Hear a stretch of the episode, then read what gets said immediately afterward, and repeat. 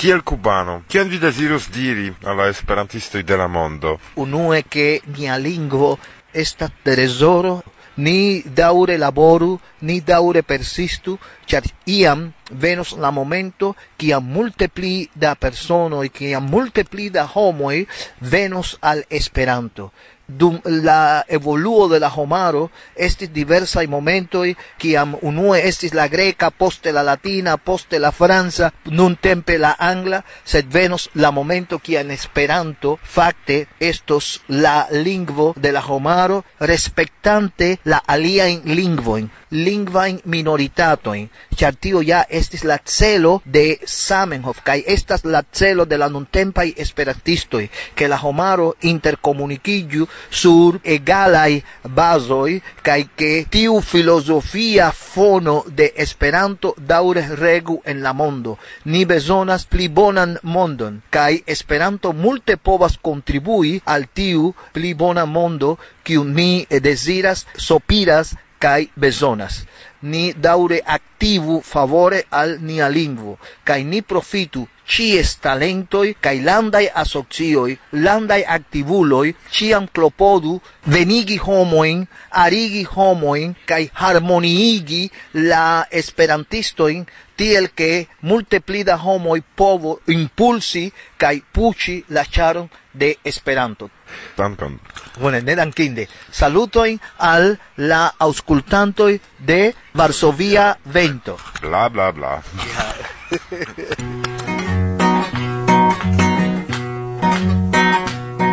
María, kial al ne atendas momenton? Se mi malfruiĝos minutojn Kial ne povas esti Maria Maria, cha la la la la la la la Maria, cha la la la la la la la Maria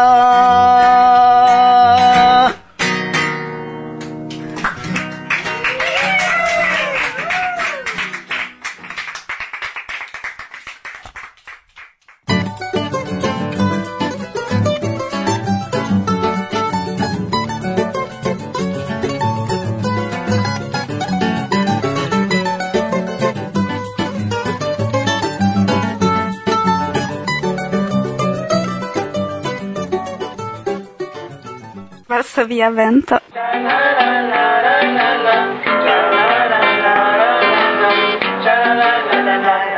Saludos, mi nombre es Ronald.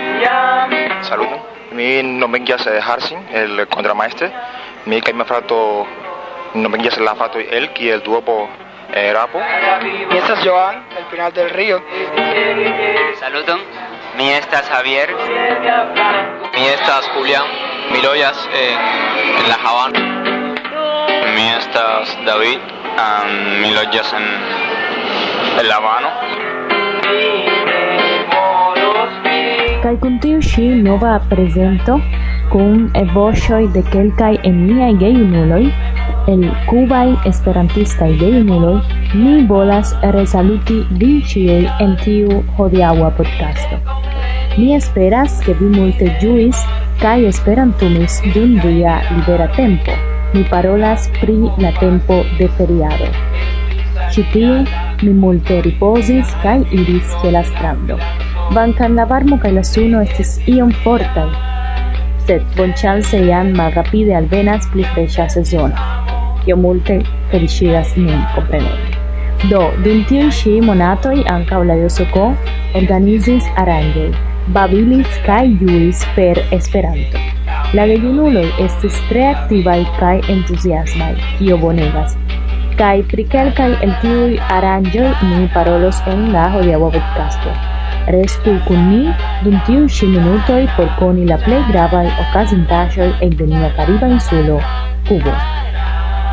Do, mi volas unue komenti ke post la unua junulara somera komuna aranĝo okazis en Cienfuegos eh, tre granda aranĝo ankaŭ ekde la dudek oka ĝis la tridekunua de julio en hoteleto en apuda urbo. partoprenis sesdek esperantistoj el kelkaj provincoj de nia lando, kiel estis Guantánamo, Habano, Matanzas, la propra Cienfuegos, kaj unu esperantisto el Italio, kiu partoprenis ankaŭ pasindiare la Universalan Kongreson okazis prelegoi pri tre variaj temoj, inter kiuj troviĝis prelego penetrado pri la historio de Esperanto en Cubo kaj pri la bona lernado de Esperanto sekvante la dekses gramatikajn regulojn de ĝia fundamento. Krome okazis ekskursoj kaj kultura programo Culla, Partopreno de Coruso, El Cienfuegos, Das Grupo El Guantánamo, Kai Aliay Cromay y Zolitay Artis. Boche de la Partopenanto y de Habano, Laranjo este Bunta, Arisha, Alloga, Kai Agrabla, y Multejuis, Kai Amicumis Pere de Esperanto. Crome ocasis dum augusto kelka espontana y promenado, unul ili tra la malnova Habano, alia al Parco Almendares, kie trovillas malgrandaj boatoj por promeni en ili tra la rivero kie situas tie kun la sama. Li estis tre ŝatata programero ankaŭ de la partoprenanto. Ali flanke estis kreita la pasintan dimanĉon de unuan de septembro naturprotekta esperanta grupo gvidate de Reglita kaj Ismari, Iululinoi tu membras, compreneble nian inularan sección, calla pogas dian laboran. Estis organizita en loco nomata Parco Lenin, cleriga kaj cultura programo por dia fondado. Partoprenis trideko da esperantistoj de Havano kiuj kune pasigis agrablan tempon. Krom tio, bonega afero eh, estas ke la junulara sekcio pligrandiĝas char jus bakita junuloj aliĝas al ĝi por plifortigi la laboron, kio kompreneble plialtigas niajn fortojn, ĉar ili alvenas kun novajn, bonajn kaj tre freŝajn ideojn, kio ja multe helpas. Do en tiu directo kelkaj el komencas kaj intensas krei projekton de radioamatoroj tra la tuta lando. Temas pri projekto da komunikado pere de radioaparatoj kiuj tre bone funkcias por helpi iliaj membroj en kiu ajn situacio kaj momento. Interese, ĉu ne? Do, sukcese mi fidas ke ili atingos tiun celo. Kaj por fini, mi tre feliĉe informas vin ĉiuj pri la finpretado kaj apero de la albumo de la Cuba Music Ensemble Amindai el donita de Vinicos. Amindai ocazigis en Santiago de Cubo ocase de la dua de Treveno de Gia Fondaggio, la tridecan de Augusto, concerto kiel omaggio al tiu tago, sed ili ocazigis tien la de septembro. Kaj jam sufiĉe multaj novaĵoj, ĉu ne? Mi esperas ke vi ilin kaj por mi estis granda feliĉo paroli al vi dum tiuj minutoj. Mi dankas pro via fidela aŭskultado kaj espereble, tre espereble, renkontos vin en la venonta podcasto. Kaj por fini, mi volas ke vi aŭdu etan pecon de canzono eh, skribita kaj cantita de mia cara Julián Hernández, sed tiu ĉi foje en la voĉo de Amendai. Julin, parolis al vi por Varsovia ventonsendoj, Ari, ekde via Kariba insulo, Kubo. Ĝis la!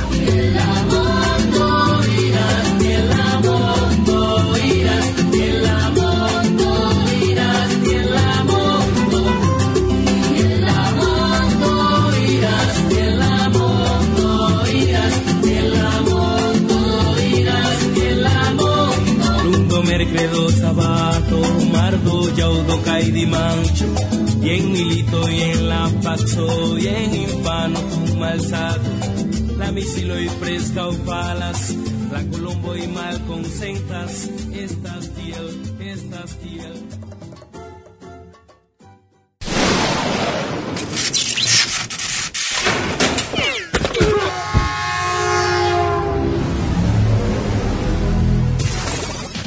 Varsovia vento, bla kai nun pli serioze. Pli serioze? Ĉu ni kapablas? Ho! Sendube. Pri kio ni parolos? Ne pri kio, sed pri kiu. Pri kiu? Pri tre bela virino el Kroatio. Mm, Ĉu mi konas? Eble laŭ nome, sed ne persone. Ŝi ne venis al Ioko. Marŝrutka! Knabino! Knabinoj, knabinoj, serioze. Ŝi ne estis dum la ioko? Ne, ne, ne, almenaŭ ne dum la lasta. Do malkovru la sekreton, pri kiu temas? Pri Emilia Lapenna. Mi ne konas. Ankaŭ mi. Tial do valoras ŝin prezenti, ĉar estas kialo. Kialo? Yes, hodiaŭ en la teatra angulo de Varsovia vento ni prezentos monologon de ŝi. El la verda biblio finiĝis? Portempe, yes. Portempe? Ĉar ankoraŭ estas registrataj la aliaj paroj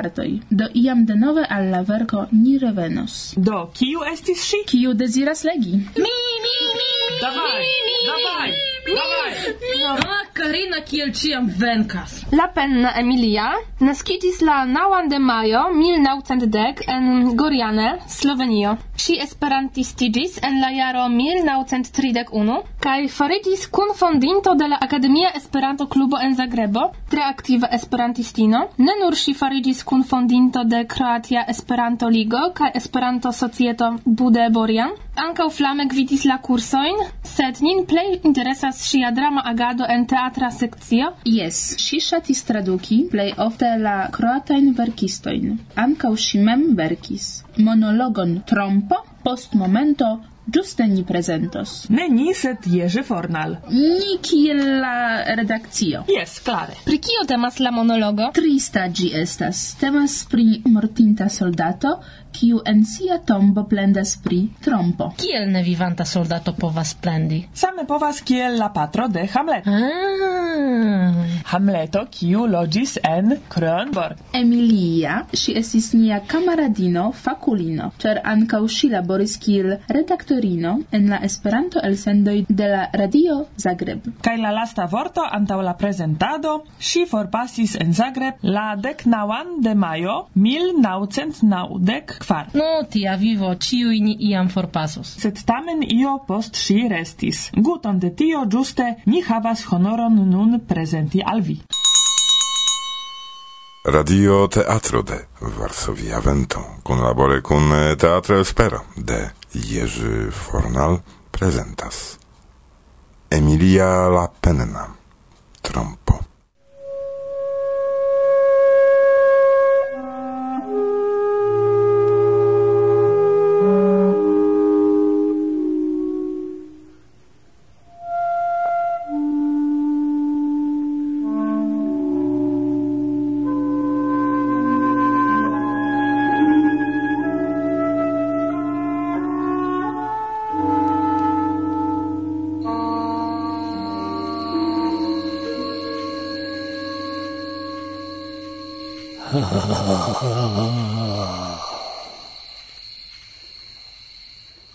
do til ili arrangis mian eternan cusceion. No, vere modeste. Certe por tio ili ne elspesis pli ol dec minutoin. Friponoi por sia heroe pereinta camarado ili sparis minutoin. Ciui suoi? Ciu ili entute estas miai? Oh, ne, tio estas vere necredebla malestimo. Ili metis citien dum maldextrain shuoin. Unu estas mia, cae alia, diablos cio de kie ili alportis gin, cae tiu havas la honoron, che sur lia tombo pompu dudec strai shuoi.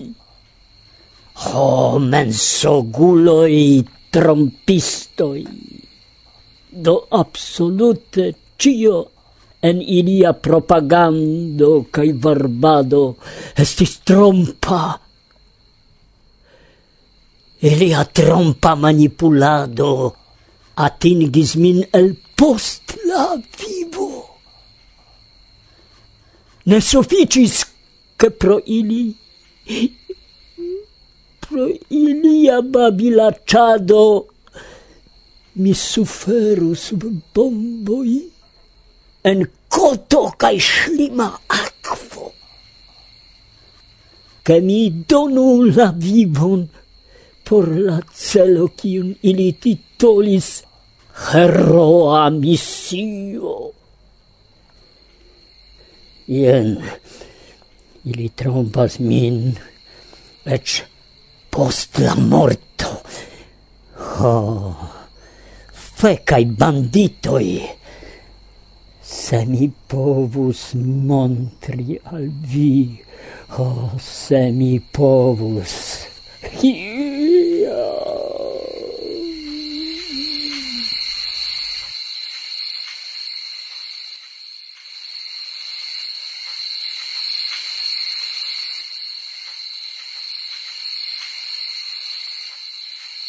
Nun mi vere ne povas.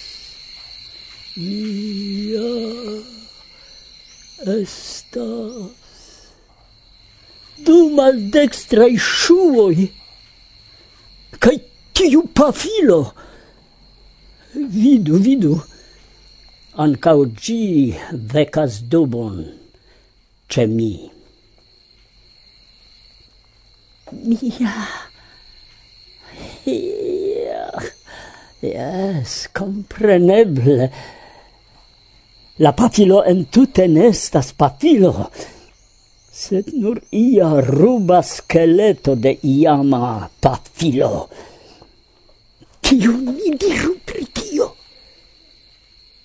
Por siai heroi ili ec pafilon sparas, quancam pafilo en la nuna milito estas pli ornamajo de la soldata uniformo ol besonata armilo kai ancau tion il ne volis offeri por honorigi mian eternan cusceon.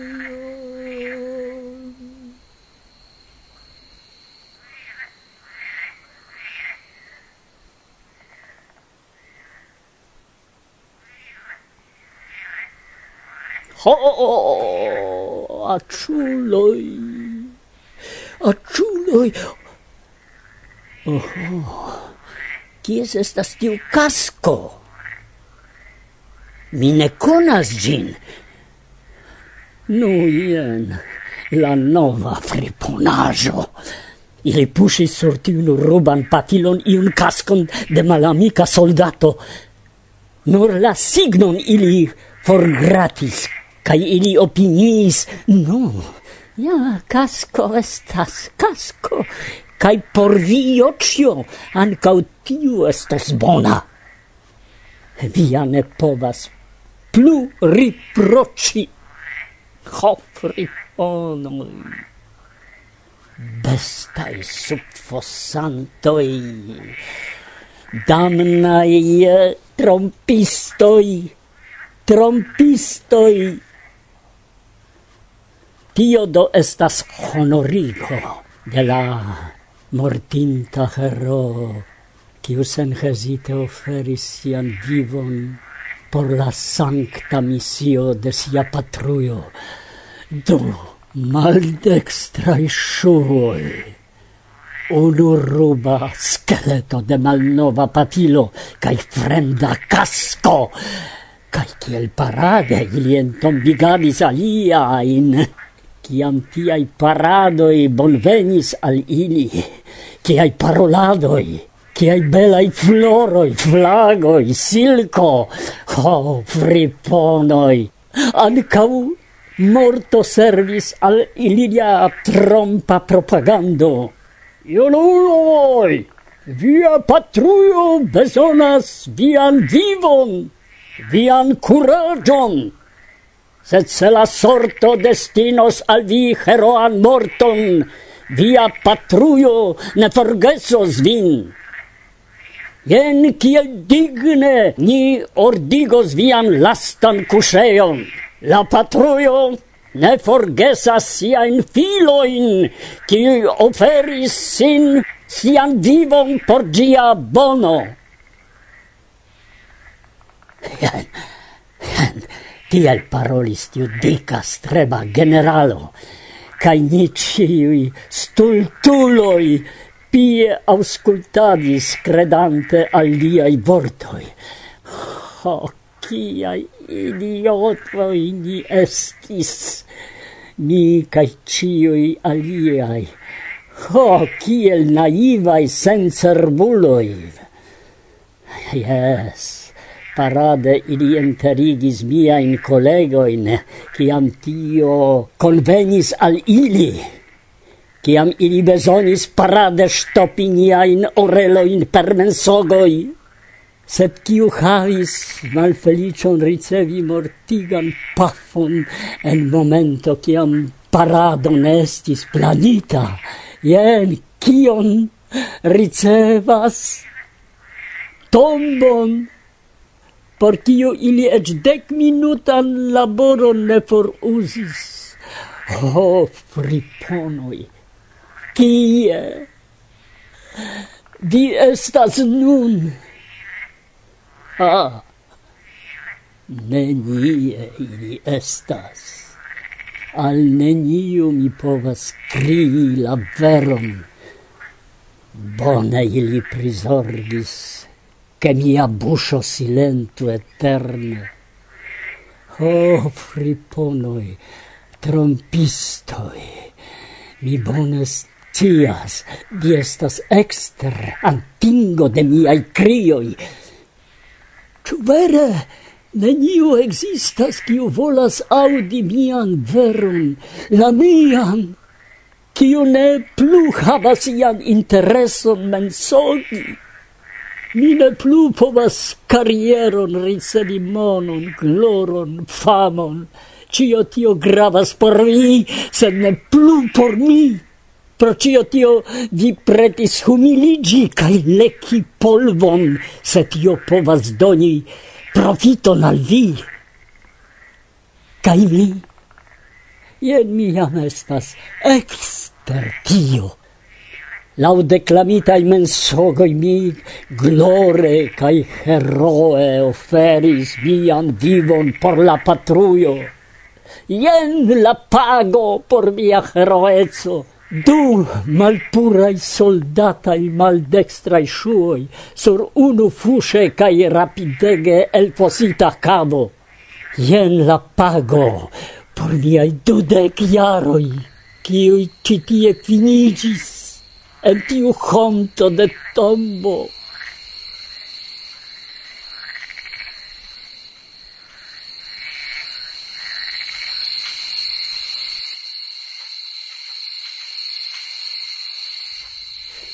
Oh, ĉu neniu povas audi min? Min, kiu ne mensogas?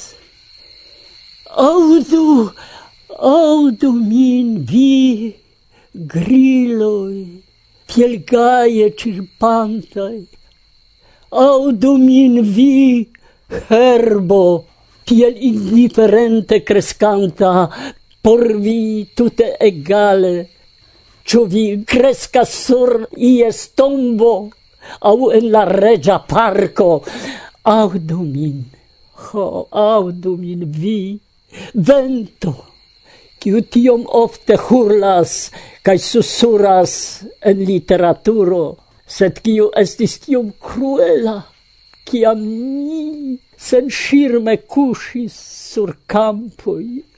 Audu min vi steloi, vi, kaj same tiel brile, audas min cit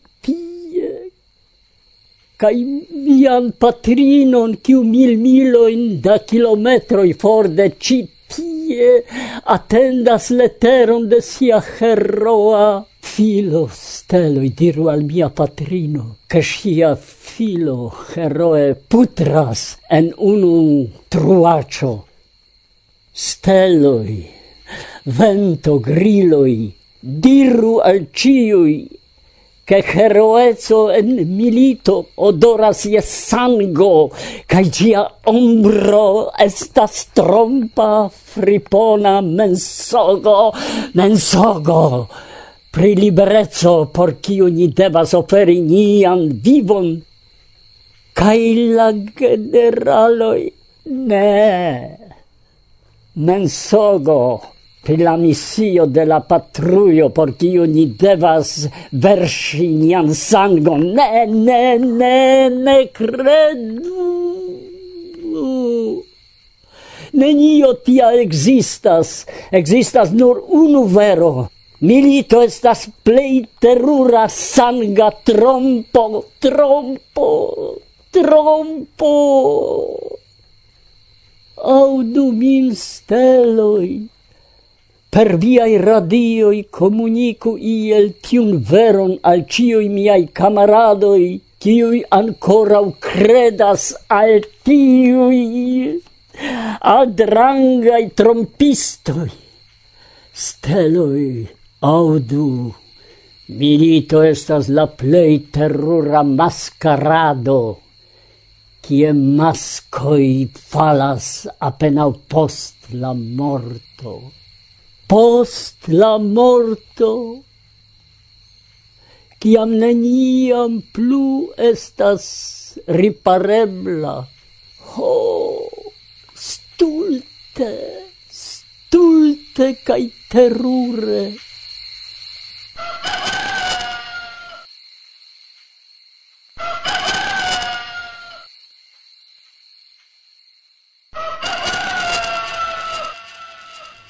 Ho!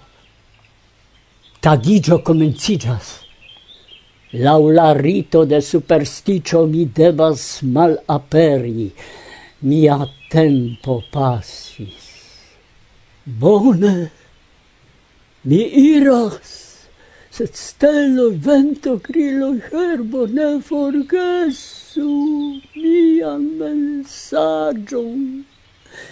Milito! estas nur, nur, nur, nur terura.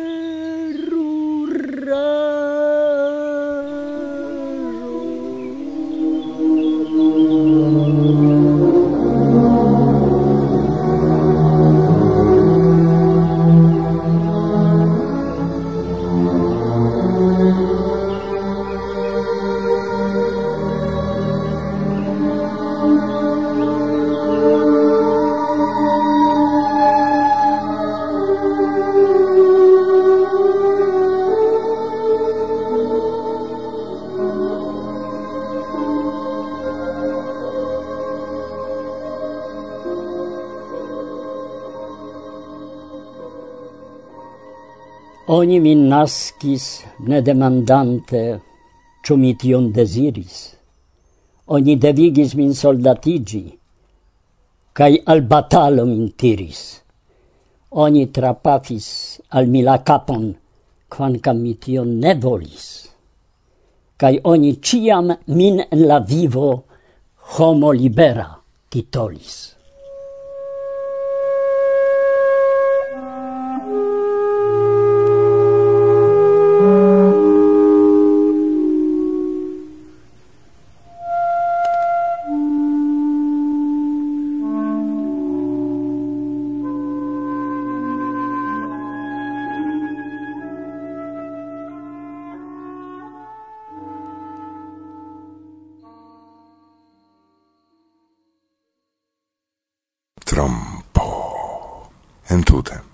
diversan eh, partoj. Mi audis tion eh, kelkfoje, mm, laŭ mi tute ne eblas la verkon dividi. Do pro tio entute. La fina komento venis kompreneble de Ludovico Lazaro mem. Kaj tiel eh, divenis al fino de ci programo kun gvidis ginau fakte gvidis.